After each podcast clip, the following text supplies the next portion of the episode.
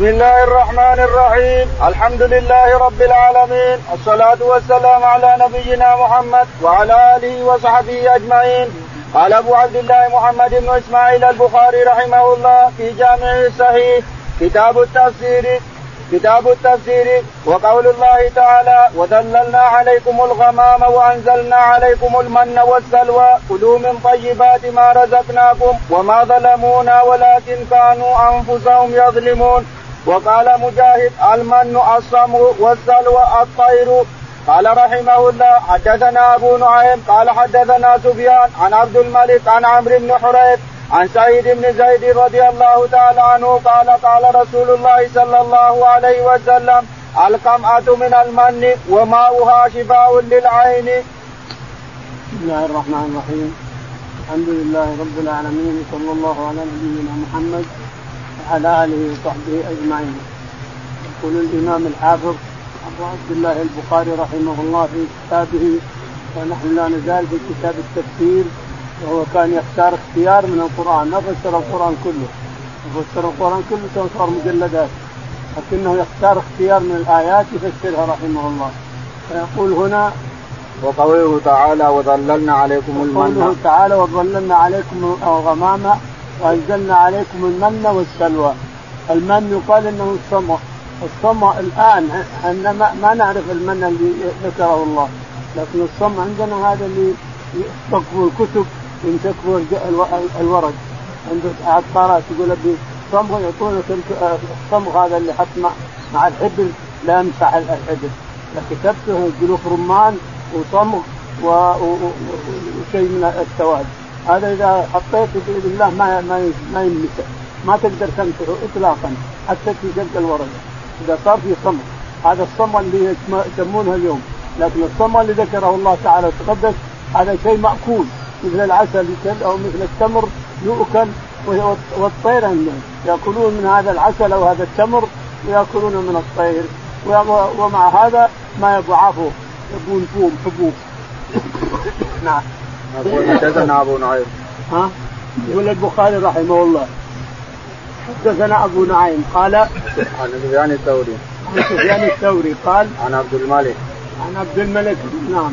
عن عن عمرو بن حريث. عن عمرو بن حريث. عن سعيد بن زيد رضي الله عنه. عن سعيد بن زيد بن عمرو بن نفيل أحد العشرة. نعم. قال قال رسول الله صلى الله عليه وسلم القمعة من المن. يقول ابن سعيد سعيد بن زيد يقول الرسول عليه الصلاة والسلام القمعة من المن. القمعة الفقعة يسمونها الفقع يسمونها الكم الكم تنبت عند الشجر في البر في الصحاري التي هي من أما الرمل الرمل ما ينبت فيه. ينبت في الصحراء اللي حوالي الجبال في سطوح الجبال ينبت القمح ياخذها الإنسان قطعه كانت تنشط تنشط الأرض بإذن الله توخر الشطب هذا وتطلعها من الأرض. يسمونها نبات الأرض. الشاهد إن القمح هذه تطبخ وتوكل من ألذ الأطعمة إلا إنها ثقيلة على الكبد. إذا أكلت ثقيلة على الكبد تبقى ما تخرطت لأنها تراب اجتمعت من التراب. يقول عليه الصلاة والسلام القمأة من المن وماؤها شفاء من العين. هل ماؤها قبل أن تطبخ أو بعد ما طبخت ماؤها هذا اللي ذكر الرسول؟ ما رأيت من ذكره. ما رأيت من فسر لنا هل هو قبل قبل طبخها قبل شويها أو طبخها أو بعده. إحنا مجرد ما نأخذها من التراب نعصرها لأن فيها ماء هي. تعصرها وتأخذ ماءها يصير شفاء للعين أو إنك إذا انك طبختها بالماء وخرجتها من الماء تعصرها يطلع ماء حار يصير هو اللي شفاء منها. الله أعلم. هذا وهذا الله أعلم. نعم. باب وإذ قلنا ادخلوا هذه القرية فكلوا منها حيث شئتم رغدا وادخلوا الباب سجدا وقولوا حطة. نغفر لكم خطاياكم وسنزيد المحسنين رغدا واسع كثير قال رحمه الله حدثنا محمد. قال حدثنا عبد الرحمن بن مهدي عن ابن المبارك عن معمر عن حمام بن منبه عن أبي هريرة رضي الله عنه عن النبي صلى الله عليه وسلم قال قيل لبني إسرائيل ادخلوا الباب سجدا وقولوا حطه فدخل فدخلوا يزحفون على استاههم فبدلوا وقالوا حطه حبة في شعرة. وقولوا يقول البخاري رحمه الله. باب قول الله تعالى وإذ قلنا ادخلوا هذه القرية. قلنا ادخلوا هذه القرية فكلوا منها حيث شئتم رغدا وادخلوا الباب سجدا. وقولوا حطه وادخلوا الباب ركع. وقولوا حطه يعني احفظ عنا يا ربنا خطايانا. قولوا حطة احفظ عنا خطايانا. وادخلوا الباب السجد ركع. لكنهم دخلوا يزحفون على اساهم يزحفون في الأرض. يزحفون على اساهم ويقولون حبة في في برة. حبة برة يعني. فبدلوا القول الذي قاله الله تعالى وتقدس فلهذا عوقبوا بنو إسرائيل. نعم.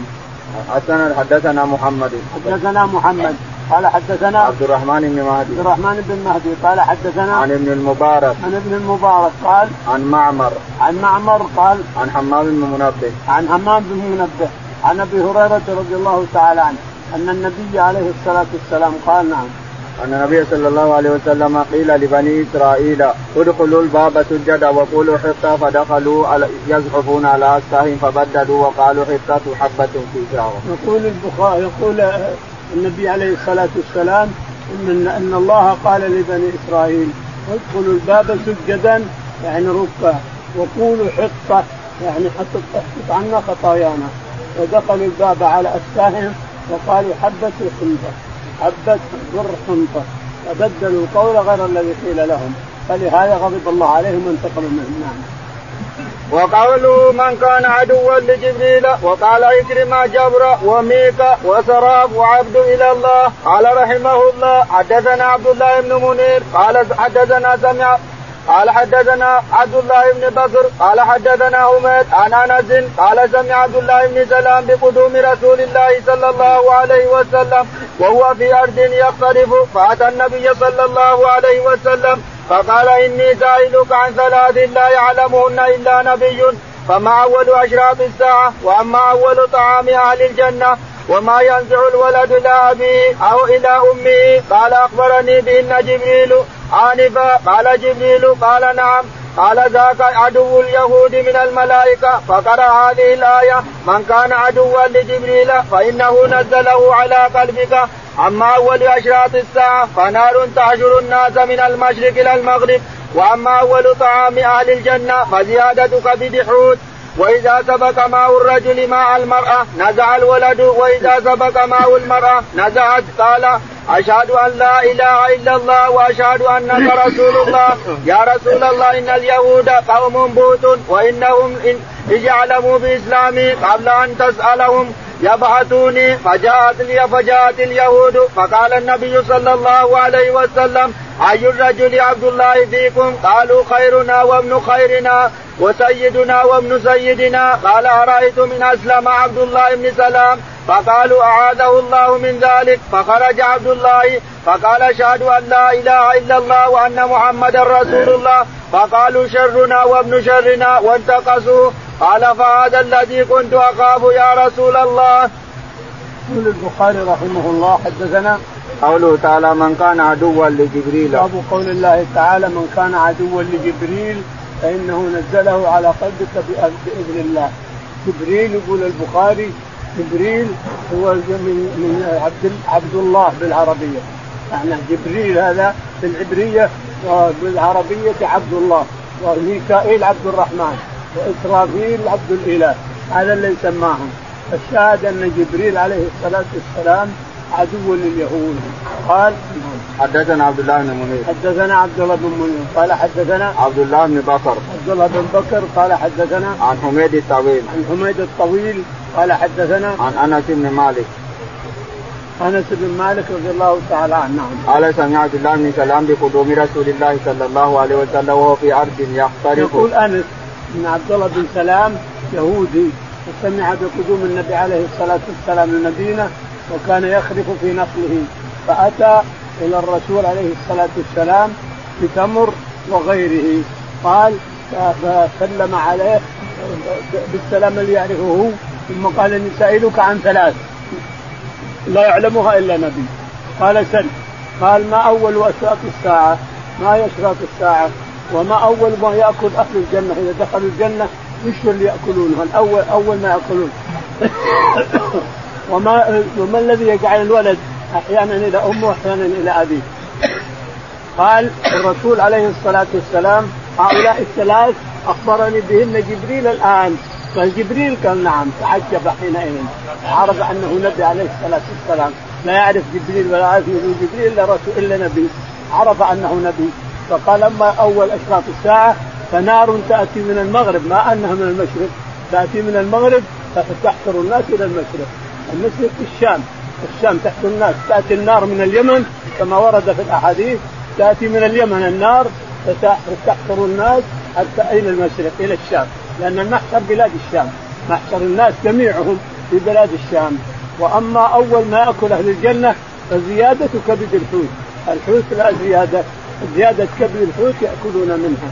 حوت في الجنه مربيه ما هو من الحوت اللي هنا. فزيادة كبد الحوت. وأما النزع الولد فإن كان الماء ماء الرجل على ماء المرأة جاء على عمامه. وإن كان ماء المرأة على على ماء الرجل جاء على اخواله إلى آخره. قال أشهد أن لا إله إلا أنت إلا الله وأشهد أن محمدا عبده ورسوله.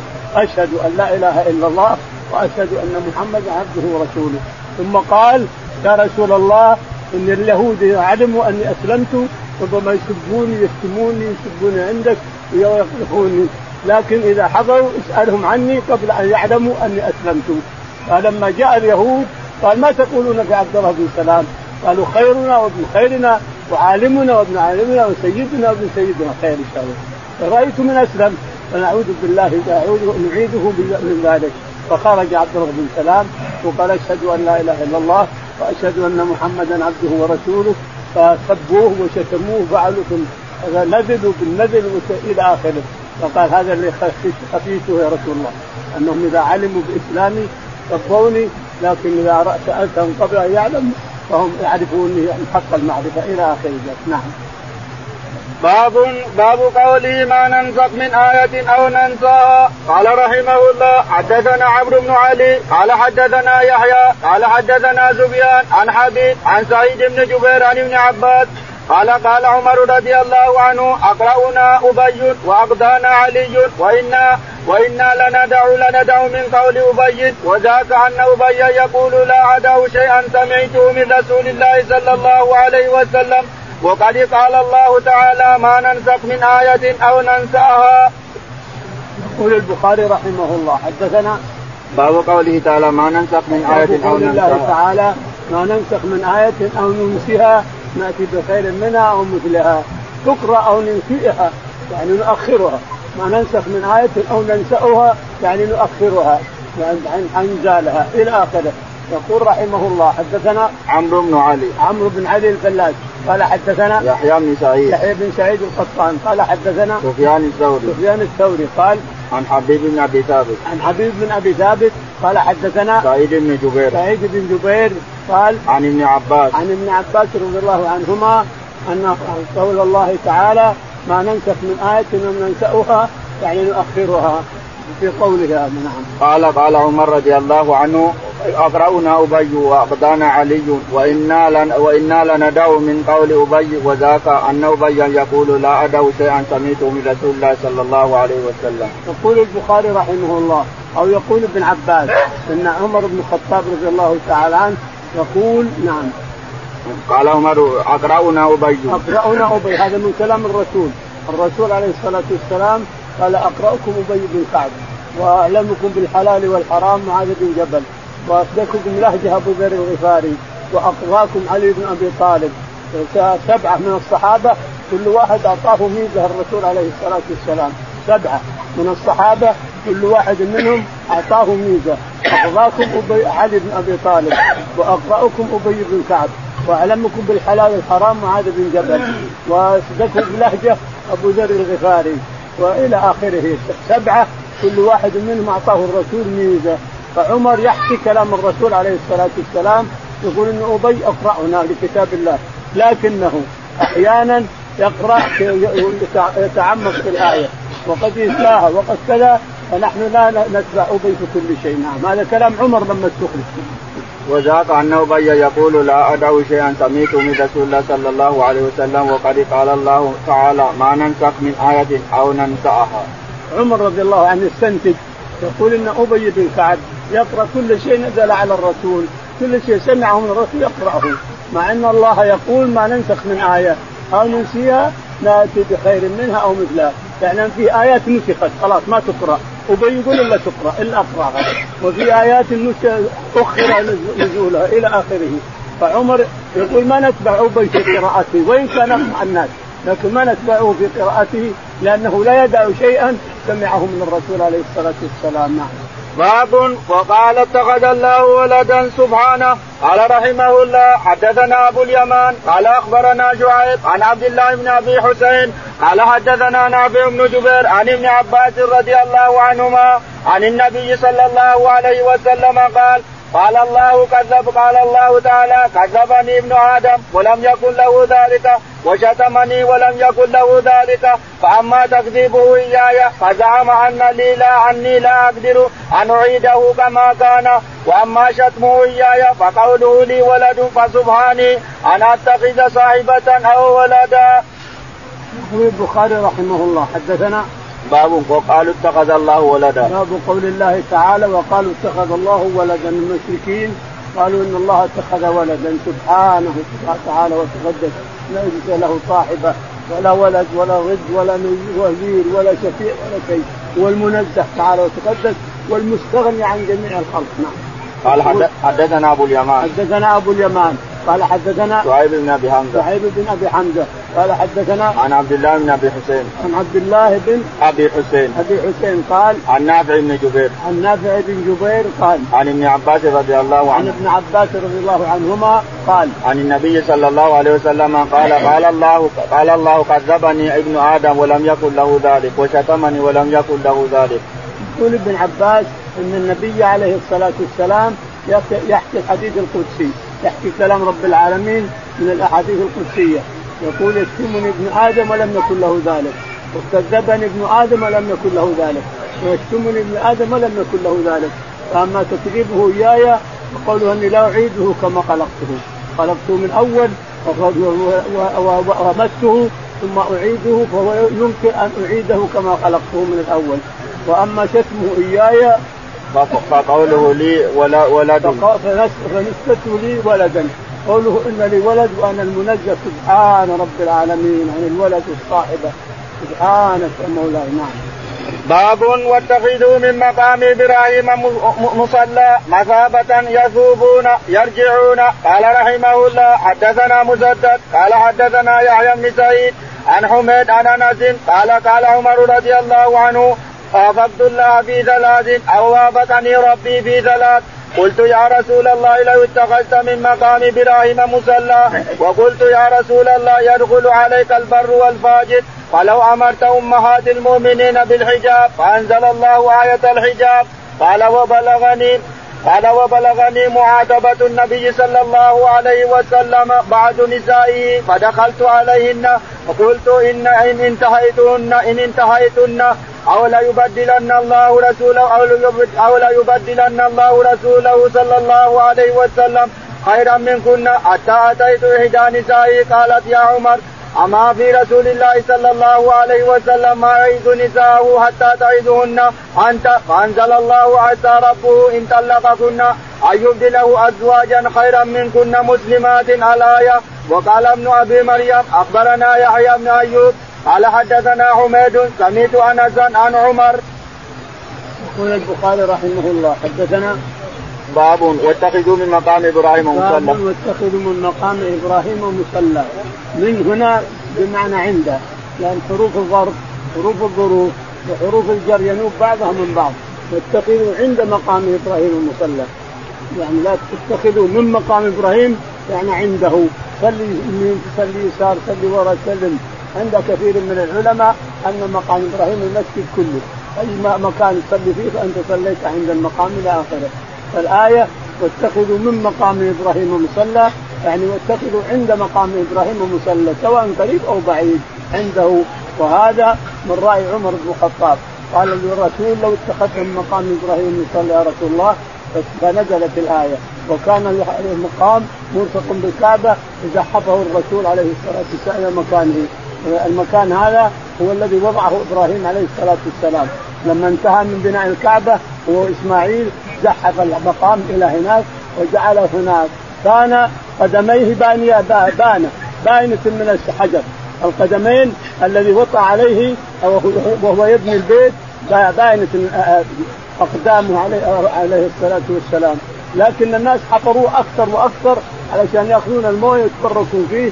ويشرب ويتمسح هذا كله لا يجوز. بدعة من البدع إنما المسح إن الأقدام باينة بالحجر الشاهد إن الله قال واتخذوا من مقام إبراهيم مصلى هذا برأى فجاء الآية عمر رضي الله عنه.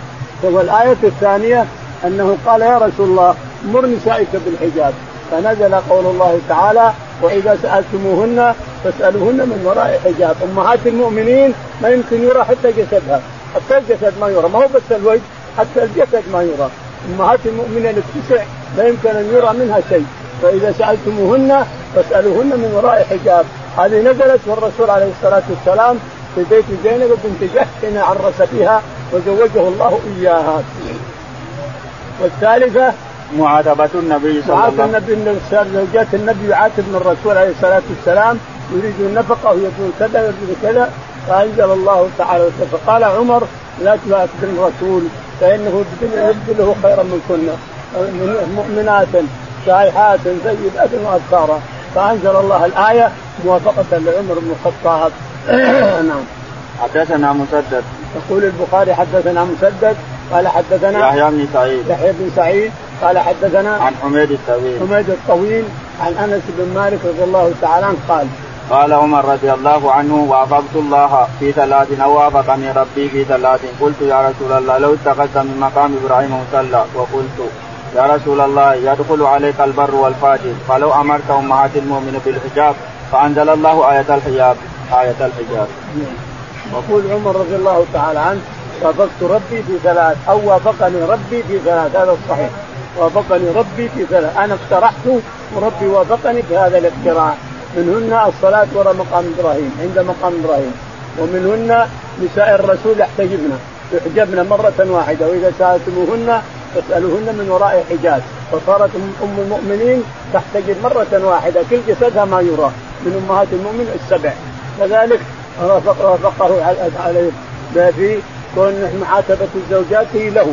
يريدن النفقة فقال لا تغضبنا لا تغضبن الرسول عليه الصلاة والسلام فإنه يمكن يستبدل بكن أحسن من كنا مؤمنات مسلمات مؤمنات عابدات سائحات طيبات وابكارا فنزلت هذه الآية.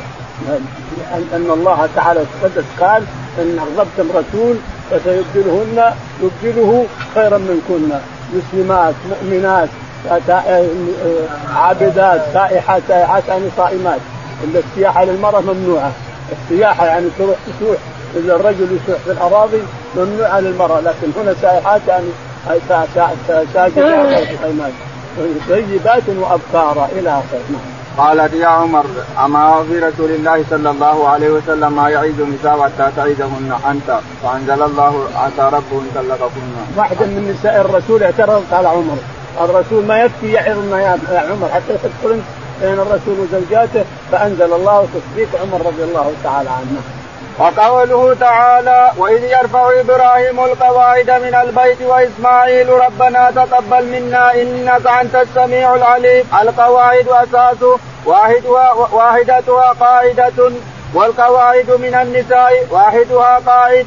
قال رحمه الله حدثنا إسماعيل قال حدثني مالك عن ابن شهاب عن سالم بن عبد الله عن عبد الله بن محمد بن ابي بكر قال أخبرني عبد الله بن عمر عن عائشة رضي الله تعالى عنها زوج النبي صلى الله عليه وسلم أن النبي صلى الله عليه وسلم قال ألم تر أن قومك بنوا بنوا بنوا لما أن قومك بنوا الكعبة واقتصروا عن قواعد إبراهيم. فقلت يا رسول الله ألا تردها على قواعد إبراهيم؟ قال لولا لولا حدثان قومك بالكفر. فقال عبد الله بن عمر لئن كانت عائشة سمعت هذا من رسول الله صلى الله عليه وسلم ما أرى رسول الله صلى الله عليه وسلم ترك استلام الركنين اللذان يليان الحجرة إلا أن البيت لم يتمم على قواعد إبراهيم.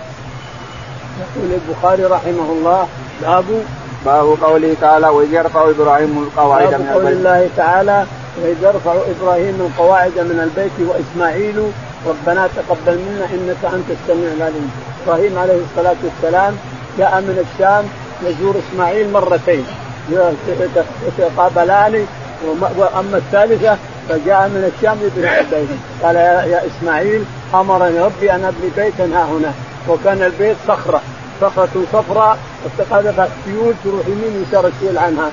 صخرة قديم فجاء جبريل وعمله ويستأذن وإذا يرفع إبراهيم القواعد من البيت واسماعيل ربنا تقبل منا الآية اللي دل دله على على مكانها وبوأنا لإبراهيم مكان البيت. يعني وضحنا وضحنا مكان البيت اللي يبنيه إبراهيم عليه. وبوأنا لإبراهيم مكان البيت. فلما راى الصخرة صفرة الصخرة صفرة قذف السيول بنى عليها عليه الصلاة والسلام وكان إسماعيل ينقل الحجارة من أبي قبيس. ما يمكن أن تبنى الكعبة إلا من جبال أبي قبيس. لاحظوا يا إخواني ما يمكن أن تبنى الكعبة لا هز فيها ولا شيء إلا من حجر أبي قبيس. لا يمكن أن تبنى إلا منه. كل الخلفاء الذي بنوا الكعبة من أبي قبيس من جبل أبي قبيس. والشاهد أن إبراهيم إسماعيل ينقل الحجارة من أبي قبيس ويأتي بها لبوه وأتى بحجر هو الذي صار يدور عليه. الحجر هو اللي يدور وإبراهيم يبني عليه الصلاة والسلام. فبنوا الكعبة على على حدود ما حددت الحجر الصفوة. صفراء صخرة صفراء على حدودها بنى الكعبة إبراهيم عليه الصلاة والسلام. إسماعيل ينقل إبراهيم يبني ثم يناول أباه الحجارة التي يأتي بها من جبل أبي قبيس حتى وصلوا إلى أربعة أمتار. وصل إبراهيم إلى قريب ثلاث أمتار أو أربع أمتار فكان لا يقدر أن يبدأ فجاء بحجر جاء الله بحجر فصار يدور. الحجر بإبراهيم ويبني يدور ويبني وإسماعيل يناوله. حتى انتهت بناءته قريبة أربعة أمتار أربعة قريب أربعة أمتار. الله أعلم. هذه البناية اللي بناها إبراهيم وإسماعيل متلاصقة مثل أسنمة الإبل. سنام الناقة مثل سنام الناقة. سنام ملتصق بسنام حجر ملتصق بحجر. لو تدخل عتلة بين اثنين اهتزت الأرض كلها. الأرض كلها تهتز لو تدخل حجر آه، عتلة أو فاز أو فاروع بين عتلة بين حجرين من حجارة اللي بنى إبراهيم تهتز الأرض كلها. تحس إن الأرض تهتز بما فيها. الشاهد إن بناية إبراهيم أربع أمتار تقريبا أو, أو ثلاثة أو أربعة أمتار. ارتفاعها وهي من من الأرض. و لكن ربنا تقبل منا إنك أنت وهما يقولان يبنيانه ويقولان ربنا تقبل منا إنك أنت السميع العليم. ربنا واجعلنا مسلمين لك لاحق الأنبياء. يسألون الله الإسلام لاحق ربنا واجعلنا مسلمين لك ومن ذريتنا أمة مسلمة لك؟ وأرنا مناسكنا. وتب علينا إنك أنت التواب الرحيم. ثم سأل ربهما أن يخرج في هذه الأمة نبي. أخرجه الله. إجابة لدعوة إبراهيم. أخرج الله صفوة الخلق. وابعث فيهم رسولا منهم. عليهم اياتك ويزكيهم ويعلمهم الكتاب والحكمة إلى آخر الآيات. الشاهد أن إبراهيم وإسماعيل انتهيا من بنايه من بناية الكعبة. لكن جاءت قريش ومن بعدهم من الناس فبنوا الكعبة. لما بنوا الكعبة كان النفقة قالوا لما انهدم ركن من أركان الكعبة. قالت قريش كيف نبنيها؟ قريش كافرة هذا اليوم. كيف نبني الكعبة؟ كيف نفعل كذا؟ كيف نبنيها؟ فتشاوروا فقالوا خذوا حلي النساء الذهب اللي عند النساء خذوه وابنوا الكعبة منه فأخذوا حلي النساء جمعوه كله فأخذوه ثم باعوه ثم بنوا الكعبة. لكن قصرت النفقة. الفلوس اللي جمعوها قصرت. لهذا أخرجوا الحجر ستة أمتار من الكعبة ومتر السابع ليس من الكعبة. ستة أمتار من الكعبة. لأنها قصرت لهم النفقة. فلما حصل هذا صار الركن هذا. والركن هذا ما يستلمان لأنه ليس على قواعد إبراهيم. لأن قواعد إبراهيم الأربعة كانت موجودة. لكن قريش لما هدموا الكعبة وبنوها من جديد لم يحصل لهم النفقة فأخرجوا سبعة أمتار من هنا. يقول ابن عمر رضي الله عنه أرى أن هذا الذي كسرت لهم النفقة أن هذه الأركان ليست على على مقام إبراهيم. ليست من الأركان التي بناها إبراهيم عليه الصلاة والسلام. فلهذا الرسول عليه الصلاة والسلام لم يستلمها لأنها ما هي من قواعد إبراهيم. يقول الرسول عليه الصلاة والسلام لعائشة يا عائشه تعالي أريك كيف فعل الله في الكعبة وكيف فعلت قريش بالكعبه يقول لو أن قالت يا رسول الله ما الذي يمنعك من هذا أمي? الرسول عليه الصلاة والسلام استعمل السياسة مرتين. الرسول استعمل السياسة مرتين. السياسة الأولى أن عائشة أنه لما قال لعائشة لو أني هدمت الكعبة وجعلت لها بابين باب يدخل منه وباب يخرج منه وأدخلت الحجر فيها ما الذي يمنعك يا رسول الله? قال إن قومك حديث عهد بإسلام فأخشى يرتدوا ترتدوا عن الإسلام. هذه سياسة السياسة الثانية قيل له اقتل عبد الله بن بن أبي بن سلام النافق قال يتحدث الناس أن محمد يقتل أصحابه. هذه السياسة الثانية. الشاهد أن النبي استعمل السياسة في مسألتين وبقي الحجر كما هو كما ترونه. ما حد بناه عبد الله بن الزبير رضي الله تعالى عنه. لما جعله الله خليفة ثمان سنوات في الحجاز وفي اليمن وفي العراق وغيره. قال ما يمنعني أنا خليفة والأموال عندي كثيرة هدم الكعبة كلها كل الكعبة هدمها إلى قواعد إبراهيم. لما وصل قواعد إبراهيم وحطوا عتله بين حجرين آه نعم.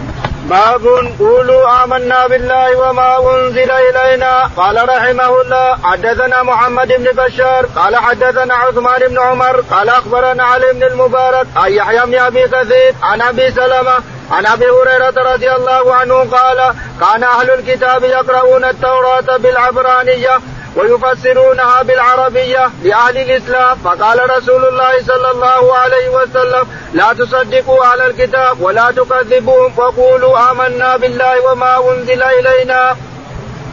قول البخاري رحمه الله باب قول الله تعالى وما أنزل إلينا وما أنزل إليكم. يعني أنتم يا أهل التوراة والإنجيل نصدق ما تأتون به. يقول البخاري رحمه الله حدثنا باب قولوا آمنا بالله وما أنزل إلينا. باب قولوا آمنا بالله وما أنزل إلينا وما أنزل إليكم. آمنا بالله وما أنزل إلينا وما أنزل إليكم من التوراة والإنجيل التي لم تحرف نعم حدثنا محمد بن بشار. حدثنا محمد بن بشار قال حدثنا عثمان بن عمر. عثمان بن عمر قال حدثنا علي بن المبارك. علي بن المبارك قال حدثنا يحيى بن أبي كثير. يحيى بن أبي كثير الطائي قال حدثنا عن أبي سلمة. أبي سلمة نعم. عن أبي هريرة رضي الله عنه. عن أبي هريرة رضي الله تعالى عنه. أن النبي عليه الصلاة والسلام قال نعم. قال كان أهل الكتاب يقرؤون التوراة بالعبرانية ويفسرونها بالعربية يقول عليه الصلاة والسلام قال أهل الكتاب يقرؤون التوراة بالعبرية ثم يفسرونها يقرؤونها بالعربية على الناس. فلا تصدقوهم ولا تكذبوهم. ربما قرأوا صحيح فتكذبون بصير صحيح. ربما قرأوا كذب فلا تصدقوهم ولا تكذبوهم. قولوا آمنا بالله وما أنزل إلينا وما أنزل إليكم. أن نؤمن بما أنزل الله علينا وما أنزل عليكم. نؤمن بالجميع نعم. سيقول السفهاء من الناس ما ولاهم عن قبلتهم التي كانوا عليها قل لله المشرق والمغرب يهدي من يشاء إلى صراط مستقيم. قال رحمه الله حدثنا أبو نعيم قال سمع زهيرا عن أبي إسحاق عن البراء رضي الله عنه أن النبي صلى الله عليه وسلم صلى إلى بيت المقدس ستة عشر أو سبعة عشر شهرا. وكان يعجب أن تكون قبلته قبل البيت وإنه صلى أو صلاها صلاة العصر وصلى معه قوم فخرج رجل ممن كان صلى معه فمر على أهل على أهل المسجد وهم راجعون. قال أشهد بالله لقد صليت مع النبي صلى الله عليه وسلم قبل مكة. فداروا كما هم قبل البيت وكان الذي مات على القبلة قبل أن قبل أن تحول قبل البيت. رجال قتلوا لم ندري ما نقول فيهم فأنزل الله وما كان الله ليضيع إيمانكم. إن الله بالناس لرؤوف رحيم. وكذلك جعلناكم أمة وسطا لتكونوا شهداء على الناس ويكون الرسول عليكم شهيدا. يقول البخاري رحمه الله باب سيقول السفهاء من الناس. سيقول السفهاء من الناس ما ولاهم عن قبلتهم التي كانوا عليها. كل لله المشرق والمغرب. المشرق والمغرب رب العالمين. نجي هنا ولا نجي هنا؟ كل واحد. إنما جزع أهل الكتاب جزعوا جزعا شديدا. لما صرف الرسول عليه الصلاة والسلام إلى الكعبة جزعوا جزعا كان يعجبهم أنه يصلي إلى بيت المقدس إلى قبلتهم. فلما صرف جزعوا جزعا شديدا وصاروا يقولوا كذا ما يريد محمد إلا أن يخالفنا ما يريد لكن الله هو اللي صرفه. لأنه كان عليه الصلاة والسلام يقلب وجهه ويدعو الله أن يصرفه إلى الكعبه ستة عشر شهرا كان يصلي إلى الشام ثم بعد ذلك استجاب الله دعاه وصرفه إلى الكعبه ولي وجهك شطر المسجد الحرام وولي وجهك شطره حيثما كنتم فولوا وجوهكم شطره. في البر أو في البحر أو في, في أي مكان وجهك شطر المسجد الحرام. هذه من منة الله تعالى رحمته أننا نصلي أينما كنا إلى الكعبة. أنت رأيت عينها. فرض من من في الحرم أصابته عينها وفرض من بعد عنه الجهة. اتجه إلى الكعبة وصل. ما بين المشرق والمغرب إذا كنت بالشام. وما هو الشام؟ ما بين المشرق والمغرب قبلة. وإذا كنت باليمن فالعكس. ما بين المشرق والمغرب قبله إلى آخره.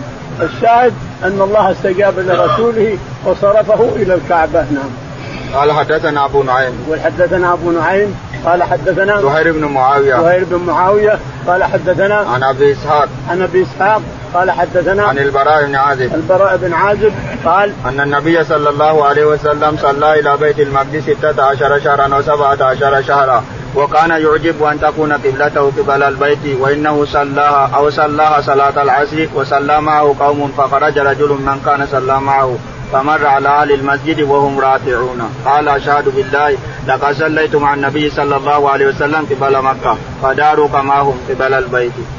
يقول البخاري رحمه الله حدثنا قرانا سند عن البراء عن البراء عن البراء بن عازب رضي الله تعالى عنه أن النبي عليه الصلاة والسلام صلى إلى الشام قرابه ستة عشر شهرا أو سبعة عشر شهرا حتى إن اناسا من الصحابة قتلوا وهم يصلون إلى الشام ثم أنزل الله استقبال الكعبة أن استقبلوا الكعبة يا أمة محمد.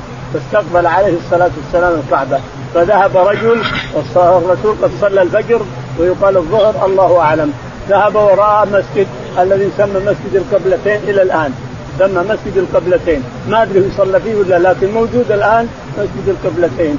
فقال للناس اللي يصلون إن الله إن الله أنزل على رسوله أن يستقبل الكعبة يا جماعة. فاستقبلوها. فداروا كما هم الإمام جاء هنا والمأمومين جو وراه هناك وهم يصلون يسمى مسجد القبلتين. كانوا إلى القبلة هنا ثم انصرفوا إلى القبلة الثانية.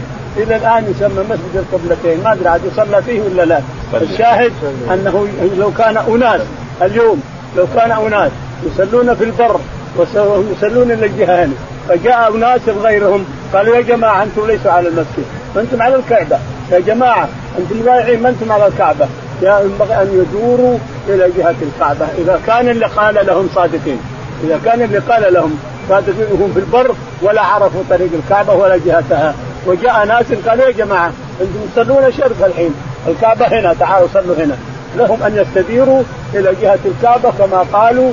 إذا كان اللي قال لهم مسلمين مؤمنين صادقين. إلى آخره.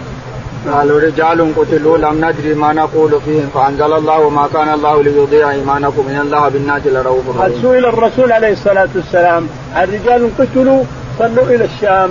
قتلوا صلوا إلى الشام. ما ندري ما نقول فيهم. فأنزل الله ما كان الله ليضيع إيمانكم. يعني أعمالكم الصالحة ما تضيع. أعمالهم ما تضيع عند رب العالم. كل شيء مكتوب. نعم. وهذا منا منا ربنا.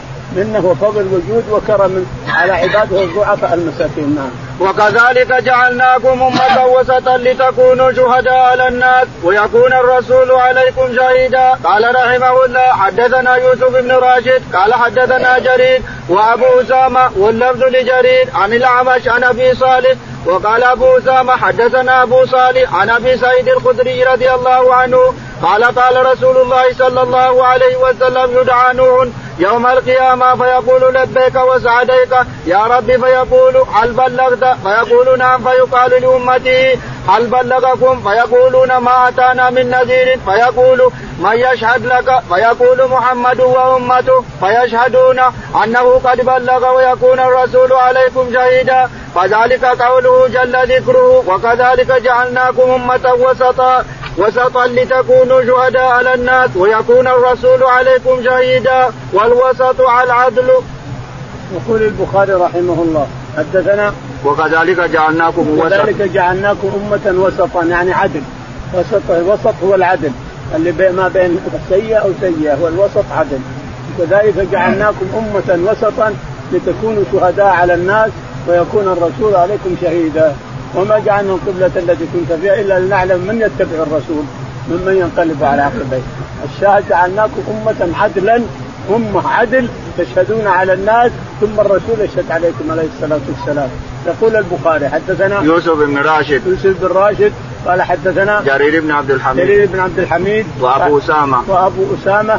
قال وح... قال حدثنا عن الأعمش. عن الأعمش. قال حدثنا عن أبي صالح. أبي صالح السمان. قال حدثنا عن أبي سعيد الخدري. عن أبي سعيد الخدري رضي الله تعالى عنه قال قال قال رسول الله صلى الله عليه وسلم يدعى نوح يوم القيامة.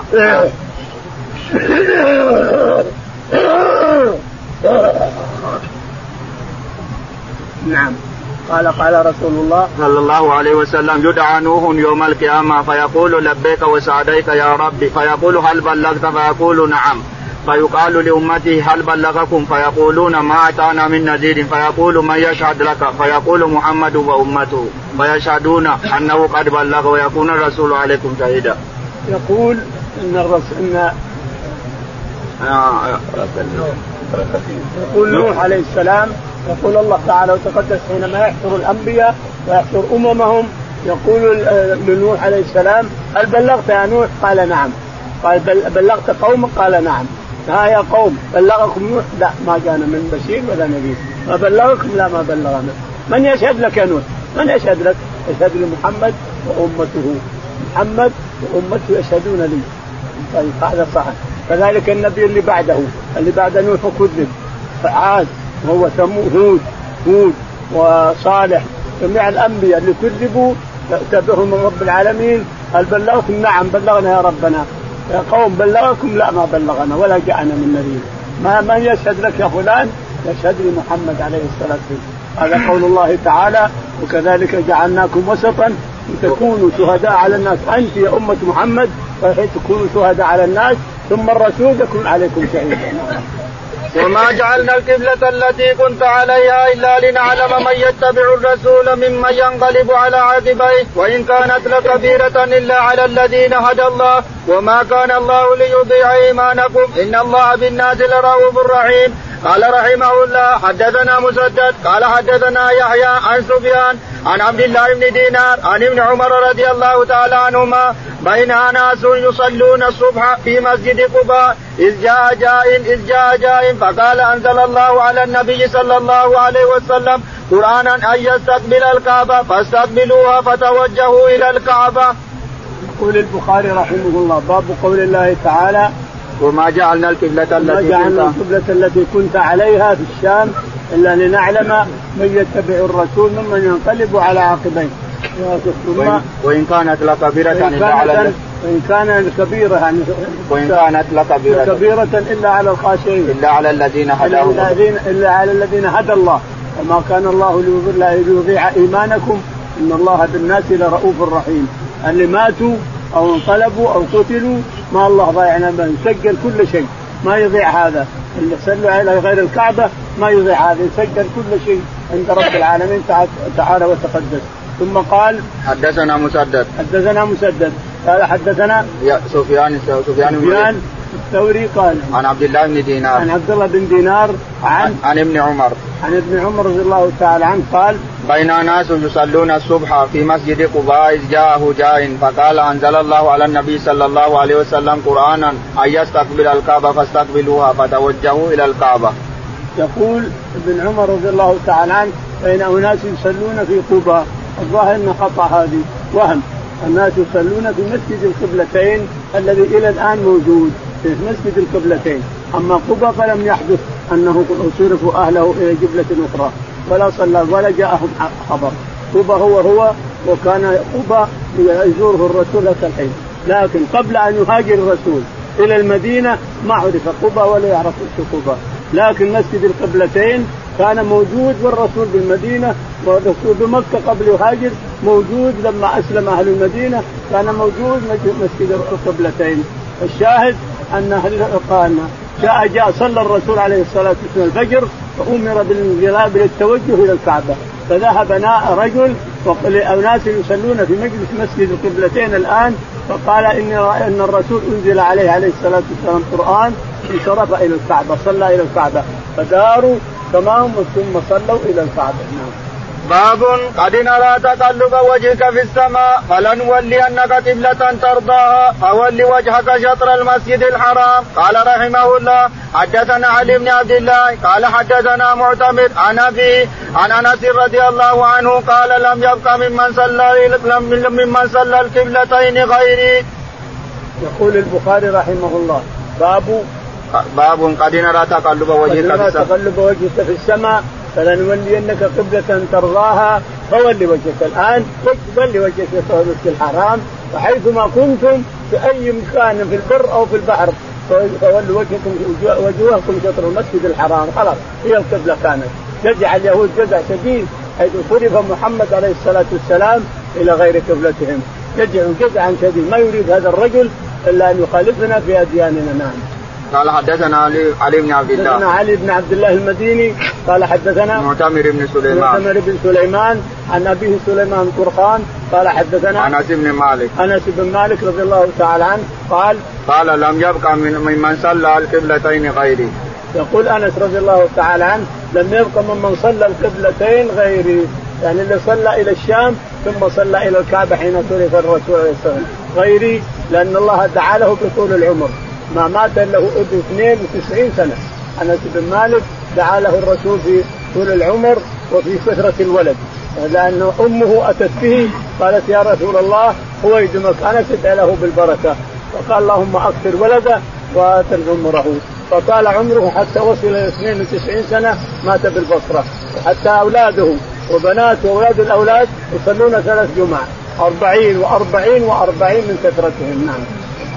ولئن أتيت الذين أوتوا أوتوا الكتاب أوتوا الكتاب بكل آية ما تبعوا قبلتك إلى قوله إنك إذا لمن الظالمين. قال رحمه الله حدثنا خالد بن مخلد قال حدثنا سليمان قال حدثني عبد الله بن دينار عن ابن عمر رضي الله عنهما بينما ناس السوق بقباء جاءهم رجل جاءهم رجل فقال إن رسول الله صلى الله عليه وسلم قد أنزل عليه الليلة قرآن وقد أمر أن يستقبل الكعبة. أن يستقبل الكعبة. ألا فاستقبلوها. وكان وجه الناس إلى الشام فاستداروا بوجوههم إلى الكعبة. يقول البخاري رحمه الله حدثنا باب قول الله تعالى ولئن أتيت الذين أوتوا الكتاب. ولئن أتيت الذين أوتوا الكتاب بكل آية ما تبعوا قبلتك؟ وما أنت بتابع قبلتهم؟ وما بعضكم بتابع قبلة بعض ولئن أتيت الذين اوتوا إنك إذا لمن الظالمين. إنك إذا لمن الظالمين إلى آخرها. قال حدثنا خالد بن مخلد. حدثنا خالد بن مخلد. قال حدثنا سليمان. سليمان. قال حدثنا عن عبد الله بن دينار. عن عبد الله بن دينار. قال حدثنا عن ابن عمر. عن ابن عمر رضي الله عنهما قال بينما ناس في السوق بقبى جاءهم رجل فقال إن رسول الله صلى الله عليه وسلم قد أنزل عليه ليلة ليلة قرآن وقد أمر أن يستقبل الكعبة فاستقبلوها. يقول ابن عمر رضي الله تعالى عنه بين ناس في قبى أعتقد إن قبى قبى وهم إنما المسجد الرايتين ولم يحدث مرتين. ما حدث مرتين أنه جاء ناس قالوا إن الرسول هي لما نزلت الآية التي تستقبل الكعبه يولي وجهه في شطر المسجد الحرام جاء واحد إلى مسجد القبلتين وقال إن الرسول عليه الصلاة والسلام نزل عليه قرآن فاستقبل الكعبة فاستقبلوها فاستداروا. أما قبى ما حصل على هذا فالشاهد إن ابن عمر يقول جاء رجل إلى أهل قباء يجوز هذا لكن الظاهر إنها وهم نعم. الذين آتيناهم الكتاب يعرفونه كما يعرفون أبناءهم وإن فريقا منهم ليكتمون الحق. إلى قوله فلا تكونن من الممترين.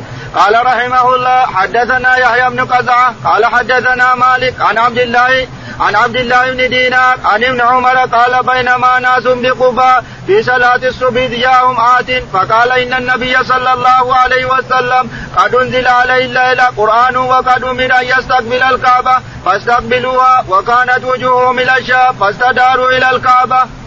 يقول البخاري رحمه الله باب الذين آتيناهم الكتاب. الذين آتيناهم الكتاب يعرفونه كما يعرفون أبنائهم وإن كثيرا منهم وإن فريقا منهم. وإن فريق منهم لا يكتمون الحق وهم يعلمون. الحق من ربك فلا تكونن من الممترين. هذه الآية نزلت في استقبال الكعبة نعم. قال حدثنا يحيى بن قزعة. حدثنا يحيى بن قزعة. قال حدثنا عن مالك بن أنس. مالك بن أنس. قال حدثنا عن عبد الله بن دينار. عبد الله بن دينار. قال حدثنا عن ابن عمر. عن ابن عمر رضي الله تعالى عنهما يكرر أن الان الناس ناس في قبى كانوا يصلون إلى جهة الشام. فجاءهم رجل وقد صلى الرسول إلى الكعبة. فقال إن الرسول أنزل عليه من القرآن أن نستقبل الكعبة فاستقبلوها. فاستداروا واستقبلوا هذا الظاهر إنه وهم الذي استدارهم أهل القبلتين. مسجد القبلتين موجود في المدينة إلى اليوم. نعم. ولكل وجهة هو موليها فاستبقوا الخيرات أينما تكونوا. يأتي بكم الله جميعا. إن الله على كل شيء قدير. قال رحمه الله حدثنا محمد بن المثنى. قال حدثنا يحيى عن سفيان. قال حدثني أبو إسحاق. قال سمعت البراء رضي الله تعالى عنه قال صلينا مع النبي صلى الله عليه وسلم نحو البيت ستة عشر أو سبعة عشر شهرا ثم صرفه نحو القبلة. يقول البخاري رحمه الله باب ولكل ولكل وجهة وجهة موليها فاستبقوا الخيرات أينما تكونوا يأتي بكم الله تعالى وتقدس يقول حدثنا محمد بن المثنى. محمد بن المثنى. قال حدثنا يحيى بن سعيد. يحيى بن سعيد. قال حدثنا سفيان الثوري. سفيان الثوري. قال حدثنا أبو إسحاق. أبو إسحاق السبيعي. قال عن عن عن البراء بن عن عازب البراء بن عازب رضي الله عنه. قال قال صلينا مع النبي صلى الله عليه وسلم نحو البيت ستة عشر أو سبعة عشر شهرا. يقول صلينا مع النبي صلى الله عليه وسلم نحو الشام ستة عشر شهرا أو سبعة عشر شهرا حتى نزل آية التوجه إلى الكعبة. ومن حيث خرجت فولي وجهك شطر المسجد الحرام وإنه للحق من ربك وما الله بغافل عما تعملون شطره تلقاه. قال رحمه الله حدثنا موسى بن إسماعيل قال حدثنا عبد العزيز بن مسلم قال حدثنا عبد الله بن دينار قال سمعت ابن عمر رضي الله تعالى عنهما يقول بينما ناس في الصبح بقباء إذ جاءهم رجل فقال أنزل الليلة قرآن فأمر أن يستقبل الكعبة فاستقبلوها فاستداروا كهيئتهم فتوجهوا إلى الكعبة وكان وجه الناس إلى الشام. يقول البخاري رحمه الله حدثنا فول وجهك شطر المسجد. فول قول الله تعالى فول وجهك شطر المسجد الحرام وحيثما كنتم فولوا وجوهكم شطره حدثنا موسى بن إسماعيل. حدثنا موسى بن إسماعيل. قال حدثنا عبد العزيز بن مسلم. عبد العزيز بن مسلم. قال حدثنا عبد الله بن دينار. عبد الله بن دينار. قال حدثنا عن ابن عمر. عن ابن عمر رضي الله عنه في قصته التي ذكرها عن قباء وقباء ما نزل فيه شيء ولا استدار ولا حصل شيء. إنما اللي استداروا مسجد القبلتين لأنه لم يحدث مرتين. إن ذهب الصحابة وقالوا استديروا فإن الرسول ما حدث مرتين. مرة في قبة ومرة في مسجد الرايتين القبلتين.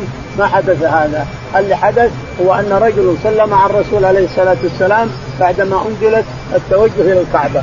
فذهب وقال إن الله إن الله أنزل على رسوله أن يتوجه إلى الكعبة يا جماعة. فتوجهوا إلى الكعبة كانوا إلى الشام. فاستداروا كهيئتهم وتوجهوا إلى الكعبة وتموا صلاتهم وصحت الصلاة إلى آخره. والله أعلم. اللهم اهدنا فيمن هديت وعافنا فيمن عافيت وتولنا فيمن توليت اللهم توفنا مسلمين وألحقنا بالصالحين رب العالمين.